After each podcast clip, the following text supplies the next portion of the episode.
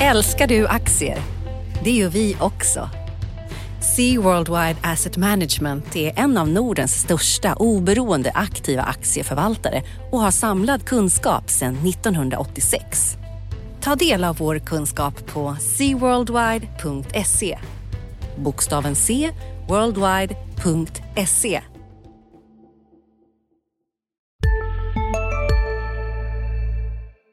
Hej! Andreas Johansson på DIs nyhetsmagasin Ekonomistudion här. Vi fördjupar oss i de viktigaste frågorna och möter Sveriges makthavare inom ekonomi och politik. Ekonomistudion finns där poddar finns varje dag klockan 16. Analyspodden från Dagens Industri.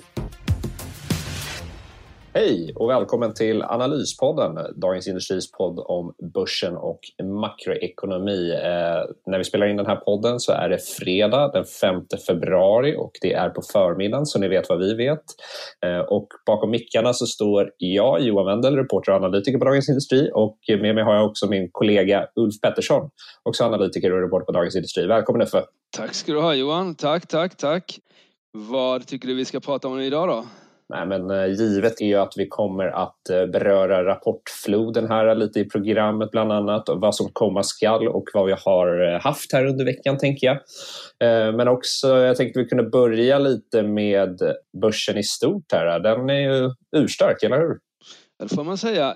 OMX30 gick över Eh, 2000 stängde över 2000 eh, för första gången i, igår torsdag. Eh, så det är en märkeshändelse. Den har varit över 2000 sådär någon minut tidigare men inte att den har stängt över 2000. Så det är ett nytt börsrekord även på det där indexet.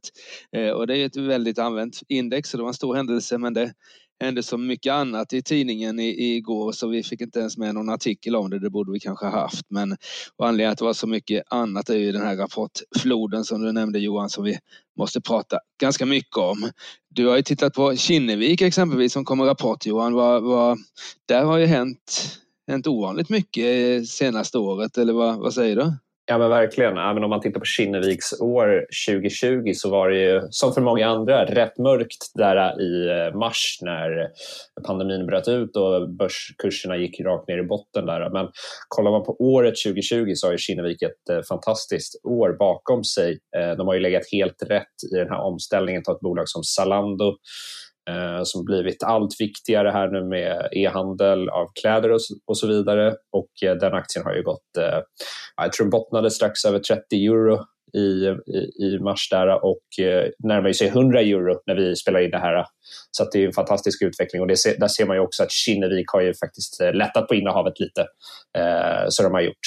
Och sen så har ju deras eh, hälsovårdstjänster också gått fantastiskt. Vi har ju Livongo som har slagit ihop sig med Teladoc som har haft en fantastisk utveckling till exempel. Så att ett bra år på så sätt för Kinnevik, men eh, nu har de ju lite nyckelpersoner som eh, ja, hoppar av skeppet helt enkelt. Eh, vice ordföranden och ordföranden har tackat nej till omval här.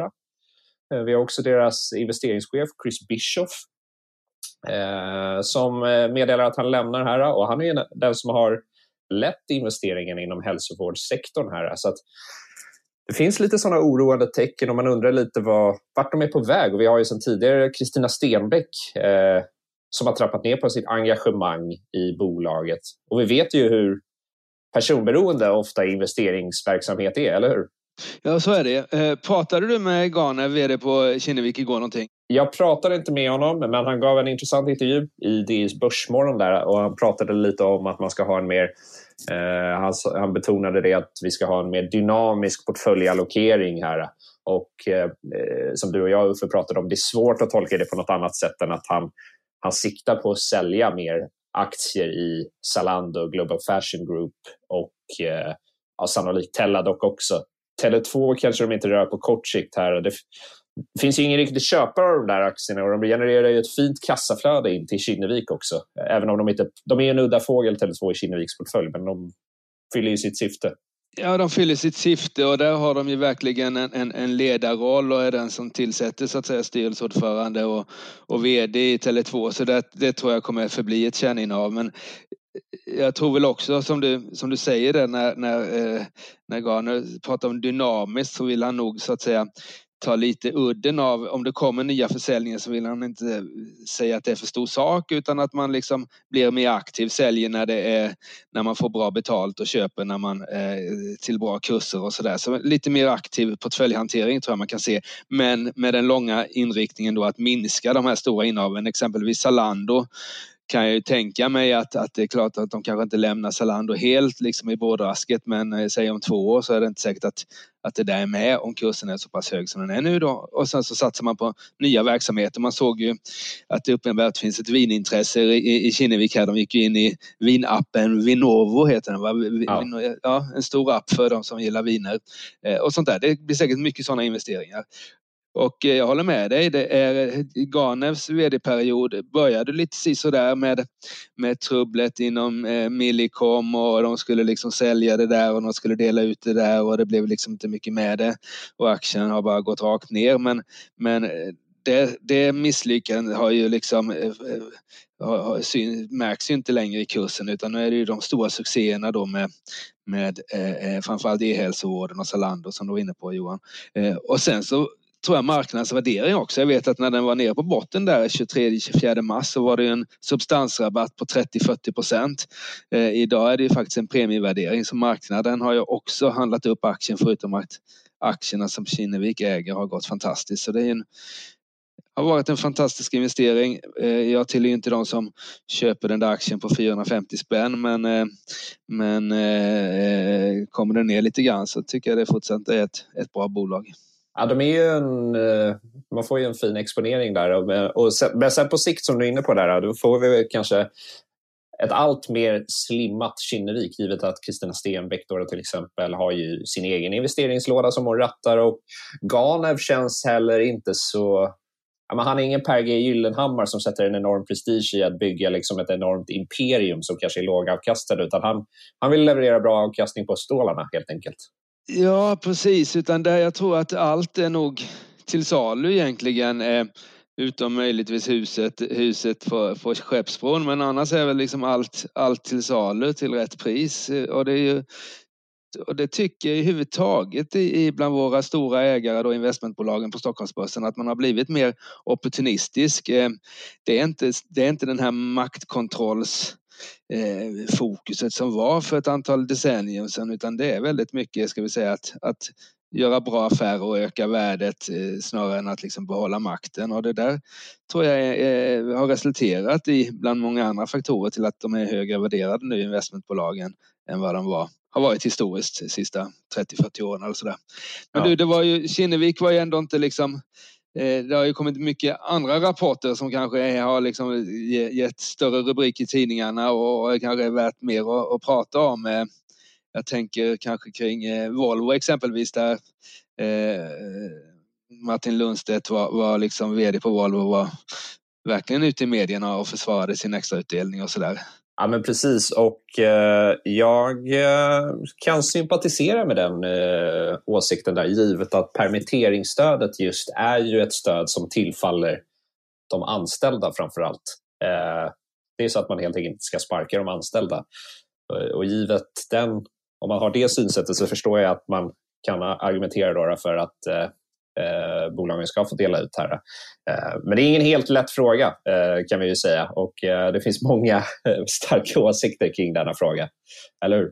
Ja, så är det. De, nu delar då Volvo ut eh, 15 spänn per aktie motsvarande 30 miljarder kronor här. Eh, Eh, och det var ju bra och eh, medan politikerna tyckte att det var 30 miljarder för mycket så tyckte nog finansmarknaden att det var kanske 15-20 miljarder för lite för de tyckte att Volvo borde tagit ännu mer av sin kassa och delat ut till aktieägarna. Så det var väl en, en bra medelväg Volvos styrelse tog där kanske. Ehm, men tar man verksamheten så var det en fantastisk rapport på mycket sätt. Det var ju en jättestark orderingång med 86 000 eh, nya bilar in i orderboken. Eh, eh, det var en vinstökning eh, på en 20 procent ungefär. Det trodde vi inte att de skulle göra, öka vinsten Q4 eller marknaden. Eh, man trodde ett litet, ett litet vinstfall då men, men kommit igen starkt. Och eh, ehm, det enda bekymret är den här eh, halvledarbristen som finns i världen. Eh, och det är inte bara Volvo, det är egentligen alla bolag eh, som, som har problem att få tag på halvledare som behövs inom eh, det mesta nu för tiden, sådana här semiconductor som amerikanerna säger. Och det där kan ju bli ett bekymmer och kan ju bli en politisk fråga också eftersom det eh, tillverkas i Kina men, men konsumeras överallt annars i världen. Ja men precis och där är ju liksom frågan om vi borde ha någon sorts eh, eh Eh, det här är ju, vi såg ju hur knepigt det kan bli med, ja, med skyddsutrustning där under pandemin till exempel. Men det här är ju en långt mycket mer strategisk resurs. Alltså, allt vi gör numera bygger på halvledare i princip. Ska vi ha en egen tillverkningskapacitet på detta i Sverige som någon sorts... Ja, men vi lagrar ju olja till exempel eh, i stora bergrum eh, utifall att... Är det här något liknande som vi borde titta på att eh, säkra tillgången av? Ja, eh, alltså det, det är svårt men jag, jag förstår din, din tanke där att det är så eftersom det som har hänt senaste decennierna är ju att eh, eh, ska vi säga, logistikkedjorna har blivit väldigt, väldigt slimmade. Så det är liksom som man, man räknar med att allt ska gå så att säga, helt, helt friktionsfritt egentligen från eh, från eh, liksom västra Kina hem till eh, eh, Hisingen då där Volvo ska göra sina lastbilar. Och blir det störningar där på något sätt så är det liksom så tar det liksom stopp och det går inte att fixa fram. Så det där är en, en fråga och jag kan tänka mig att en effekt, en långsiktig effekt av den här pandemin då det blir att man försöker dels eh, ha liksom dubbla leveranssystem på något sätt och sen kanske ha mer kritisk produktion Eh, eh, så att säga inom kontroll. Så det, det, kan bli något sånt där att, att man inte bara outsourcar för att tjäna sista kronan utan man även tänker på vad det är för kostnader med att, med att göra det, potentiella kostnader i alla fall. Och något annat som är intressant i det här globala spelet är då jag tyckte att eh, Felicia Åkerman hos oss eh, hade en intressant artikel om eh, transportkostnaderna som har liksom flugit iväg. Det är flera hundra procent det kostar att frakta en container mer än nu från Europa till Kina än vad det gjorde före krisen här. Och det, det, det är också någonting som, som liksom kanske kommer hämma den här globala, globala outsourcingkedjan som vi har byggt upp de senaste decennierna. Ja, men verkligen, verkligen. Ja, vi får se vart det går där. Eh, jag tänkte också rapportmässigt, vi måste ju snacka lite banker, eller hur? Ja, det måste vi. Och det var ju, eh, nu har de fyra kommit här. Bäst kursreaktion fick Nordea igår, eh, steg 4 procent. Eh, sämst kursreaktion fick eh, Swedbank som inledde rapportperioden.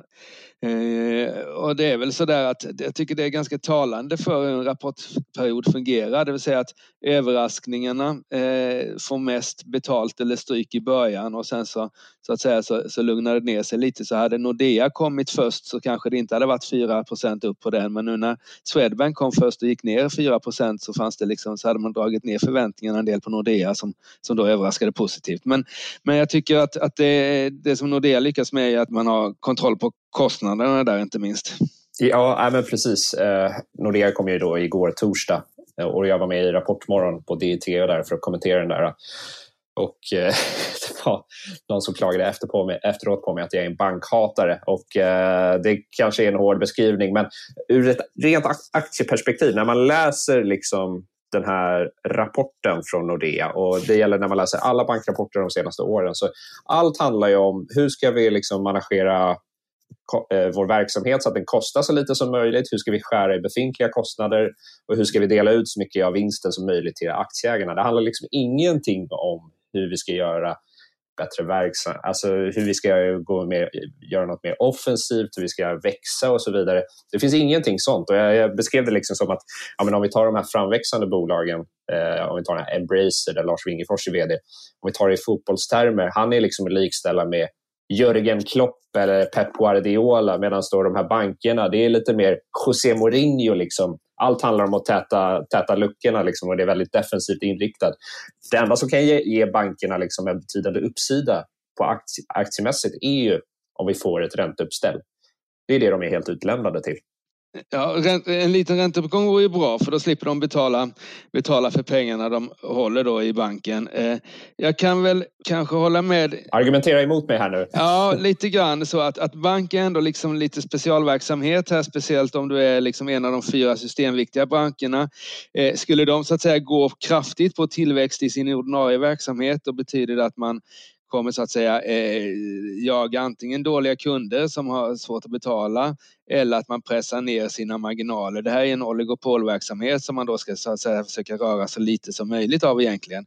Och sen så det här kostnadsfokuset tycker jag är rimligt att de har med tanke på den omställning och antalet kontor och att vi inte behöver kontor längre. Det är liksom, det är ingen som är inne på ett bankkontor nu för tiden och har man någon gång suttit i möte, jag, eh, eh, jag har drivit verksamheter där jag haft att göra med bank tidigare och när man var på möte med banker så var de liksom var vi två, tre på vår sida bordet så var de tio. Så det finns liksom folk att ta av i bankvärlden fortfarande, även om, om de har minskat en del. Eh, så, så banker ska växa lugnt och tryggt.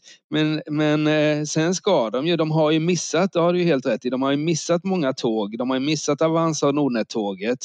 Där borde ju någon av dem ha liksom startat en riktigt bra, en riktigt bra eh, online och tagit den marknaden. De tappar ju mycket mot Klarna och de här, så de har tappat och det är väl liksom kanske att de är för stora för att hinna på de där bollarna. Eh, så visst, de, de behöver fokusera på tillväxt men inte tillväxt i sin kärnverksamhet för den måste vara lugn och trygg annars går det. Tittar man på de här bankerna som har liksom varit offensiva, Deutsche Bank och sånt där som har liksom förvärvat massa bolag så brukar det gå åt fanders till slut. Liksom. Så, så jag tycker att de ska fokusera på kostnader i sin kärnverksamhet. Sen vore det ju roligt om de kunde eh, men det är klart, de har ju, Swish är väl en, bank, en, en, en bankuppfinning. Eh, hade man liksom särnoterat den och tagit 0,1 öre per swishning så hade det kunnat bli liksom ett riktigt Klarna. Liksom. Så där, men det kanske de gör så småningom eh, eh när de, eh, vi får väl se. Ja, där har ni, särnotera Swish. Särnotera Swish och, och, och ta en krona per Swish. Men du, det har ju varit så mycket rapporter så jag vet Sista dagarna nu på vårens stora season sale. Passa på att göra sommarfint hemma, både inne och ute. Och fynda till fantastiska priser. Måndagen den 6 maj avslutar vi med Kvällsöppet i 21. Välkommen till Mio.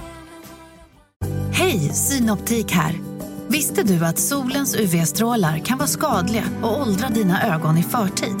Kom in till oss så hjälper vi dig att hitta rätt solglasögon som skyddar dina ögon. Välkommen till Synoptik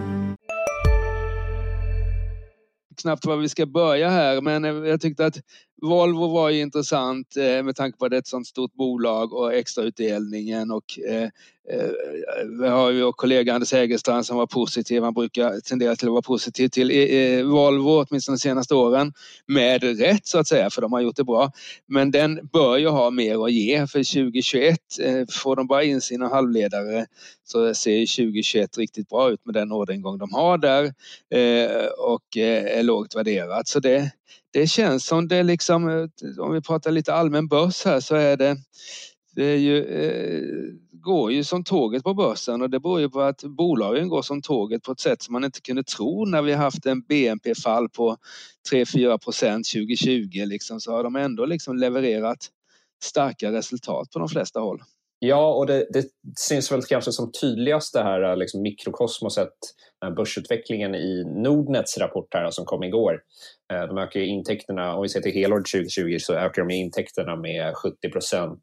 Kostnaderna ökar med ynka 3 procent. Och det här trillar ju väldigt mycket ner på sista raden. Deras rörelseresultat var upp 236 procent tror jag om jag minns rätt. Mm, mm. Så det är en enormt skalbar, eh, skalbar business här som de uppvisar. Och, eh, vi pushar ju här på eh, fredagsförmiddagen att nu har ju faktiskt eh, Nordnet passerat ärkerivalen Avanza i börsvärde här bara några ett par månader in på eh, börskarriären. Också en milstolpe. Eh, du var inne där på att eh, SBABs vd kanske sålde sina aktier lite för tidigt.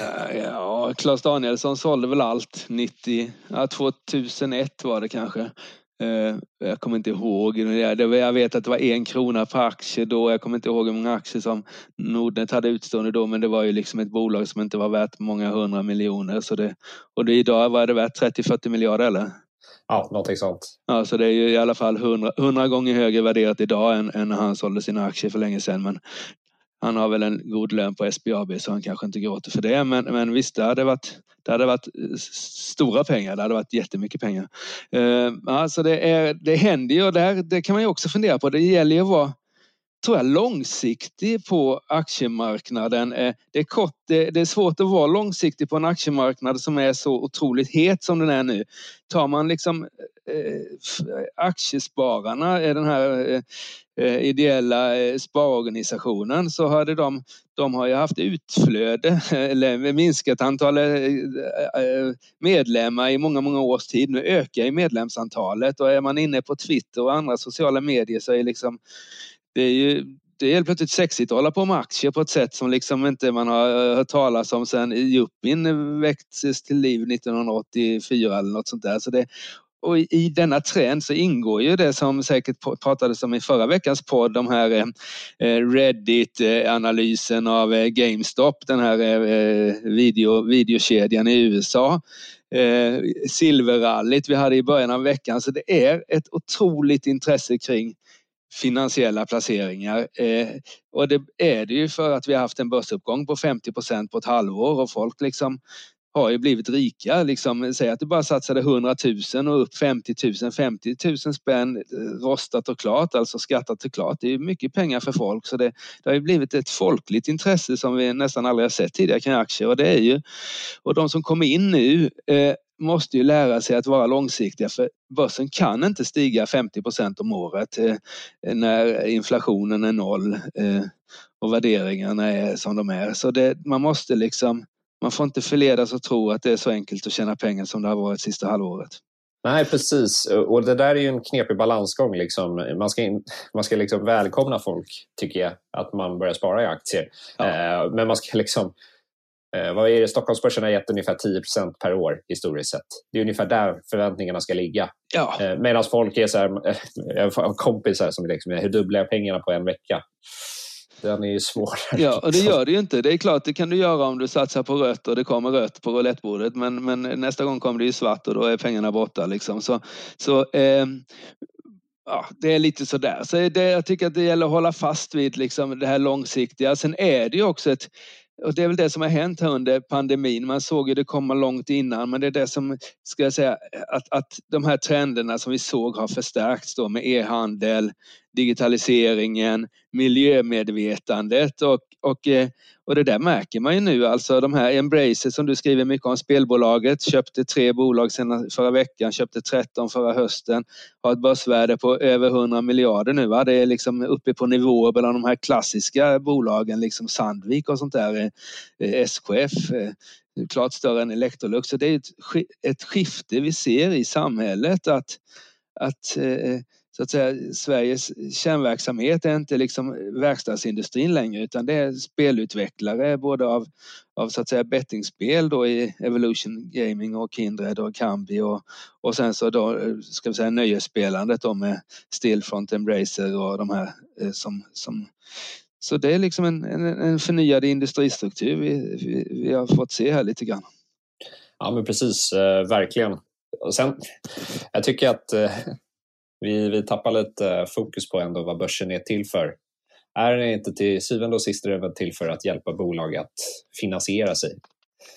Jo, ehm, nu, nu var det ju, då, då görs ju nyemissioner. BHG gjorde en nyemission här, eh, gick jättesmidigt i veckan. Eh, Bygghemma då som köpte Nordic Nest, en stor e-handlare och behövde finansiera det där plus att de ska fördubbla omsättningen på tre år. Och där funkar, tycker jag, just i detta nu funkar ju börsen som kapitalanskaffare alldeles utmärkt. Det är ju liksom eh, går jättesmidigt att göra de här eh, riktade nyemissionerna på kvällarna och det kommer in mycket pengar utan särskilt stora rabatter. Så, så är det ju. Det, så det, det är klart det är viktigt. Eh, och eh, det är också viktigt som, som en, så att säga, sprida riskerna här. Vi, folk som liksom eh, har betalat av på sina sina, sina lån på huset behöver ju liksom hantera sin, sitt kapital och då kan man placera det lite i aktier och inte bara i räntor som inte ger någon in, intäkt alls och så där. Så det, just nu funkar börsen jättebra och, och det är roligt. Jag tror att, att hade vi inte haft den här börsuppgången hade vi inte haft Nimbus på börsen, den här båttillverkaren som kom in på tisdag som jag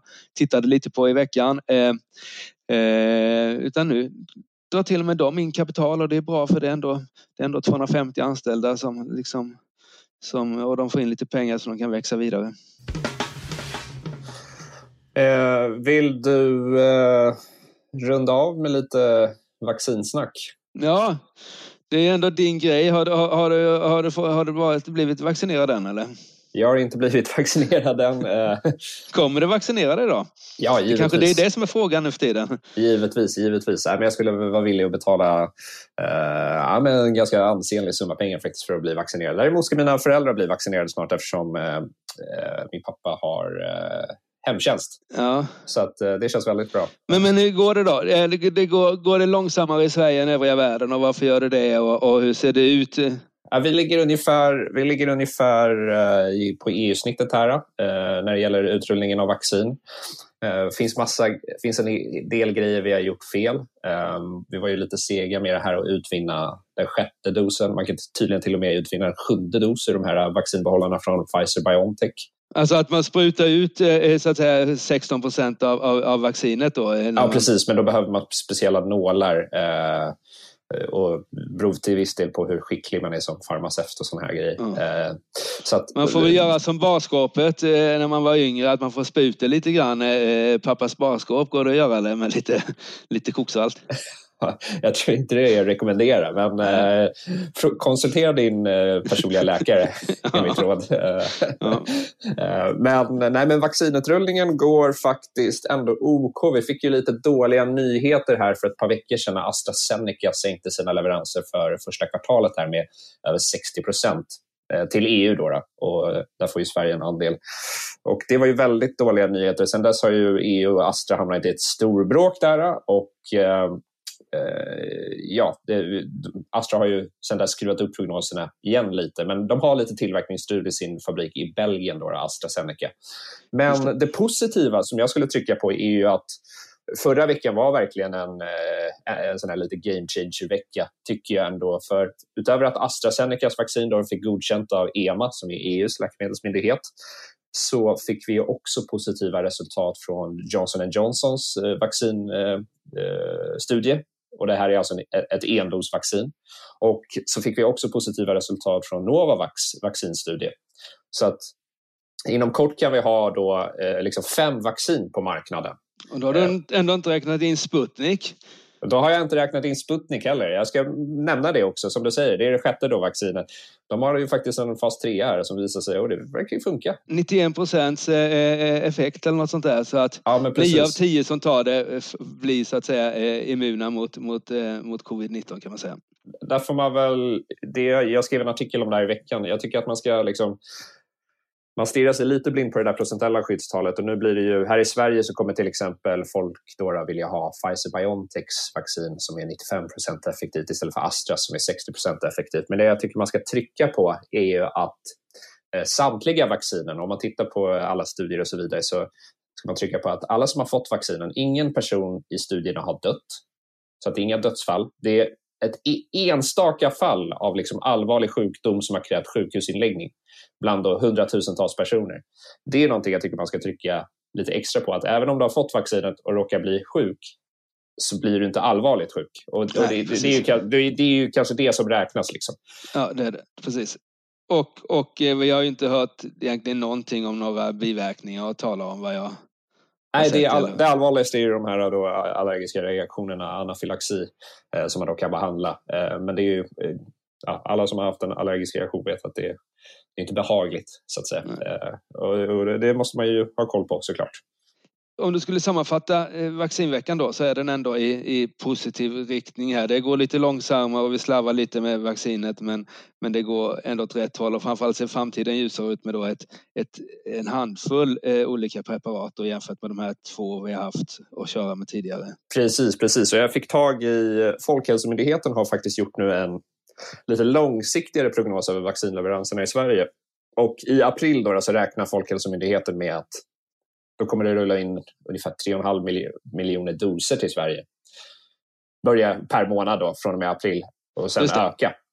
Men det är fortfarande EU som styr det där så att det är liksom att, att, att det, liksom, det är inte så att vi köper in vid sidan av EU någonstans nej, utan det, vi, vi får i samma, att, att, att, att Sverige vaccinerar ungefär samma takt som övriga, övriga Europa beror på att vi får lika procentuellt sett lika mycket vaccin hit och sen så är vi en del är lite långsamma med att trycka in det i människor, eh, Frankrike exempelvis. Ja och sen så anledningen till att, att danskarna har varit så duktiga det var ju för att de ut, utvann alla doser men också för att de de, I Sverige har olika regioner gjort olik, olika, men vissa regioner har liksom sparat en dos nummer två. Så man vet att så okay, nu har du vaccinerat dig, nu har vi en dos nummer två här i lager till dig. Medan de ja. danskarna de tryckte ut allting och så ja, räknade precis. de med att få leveranserna. Precis.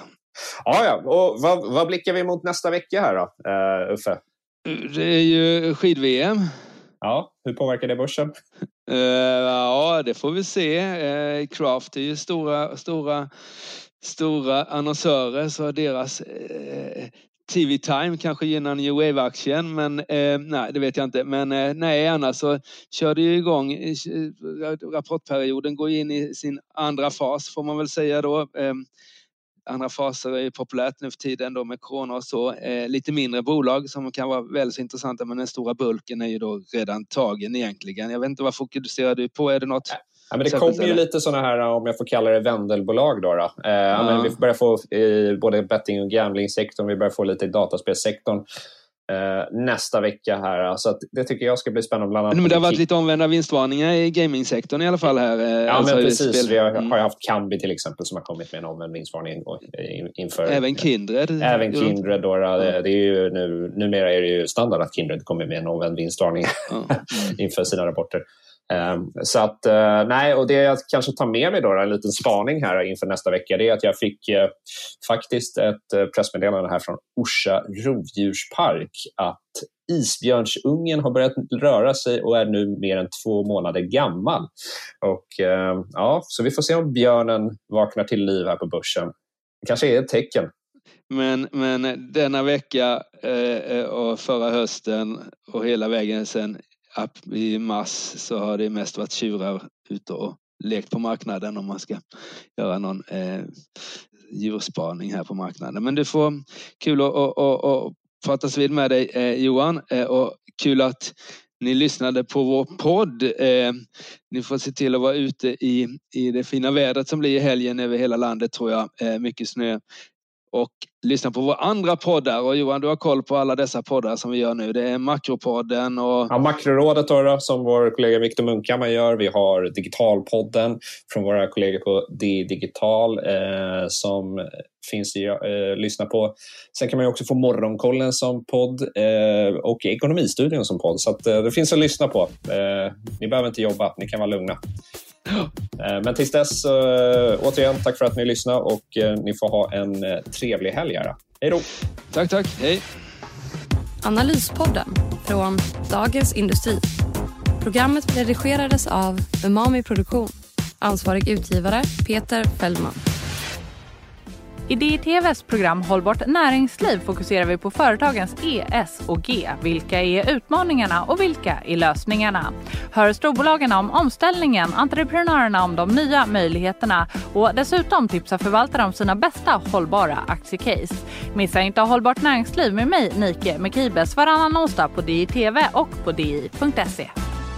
Varje vardag klockan sju uppdaterar DITVs Morgonkoll dig om natten och morgonens viktigaste nyheter. Från börsstängningen i New York till läget i den asiatiska handeln. Och strax därefter kommer podden med samma namn. Prenumerera på Morgonkoll du också så är du uppdaterad inför varje ny arbetsdag. Morgonkoll finns där andra poddar finns. Hej! Andreas Johansson på DIs nyhetsmagasin Ekonomistudion här. Vi fördjupar oss i de viktigaste frågorna och möter Sveriges makthavare inom ekonomi och politik. Ekonomistudion finns där poddar finns varje dag klockan 16.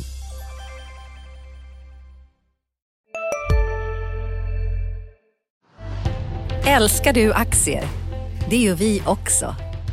Sea Worldwide Asset Management är en av Nordens största oberoende aktiva aktieförvaltare och har samlad kunskap sedan 1986. Ta del av vår kunskap på seaworldwide.se. Bokstaven C, worldwide.se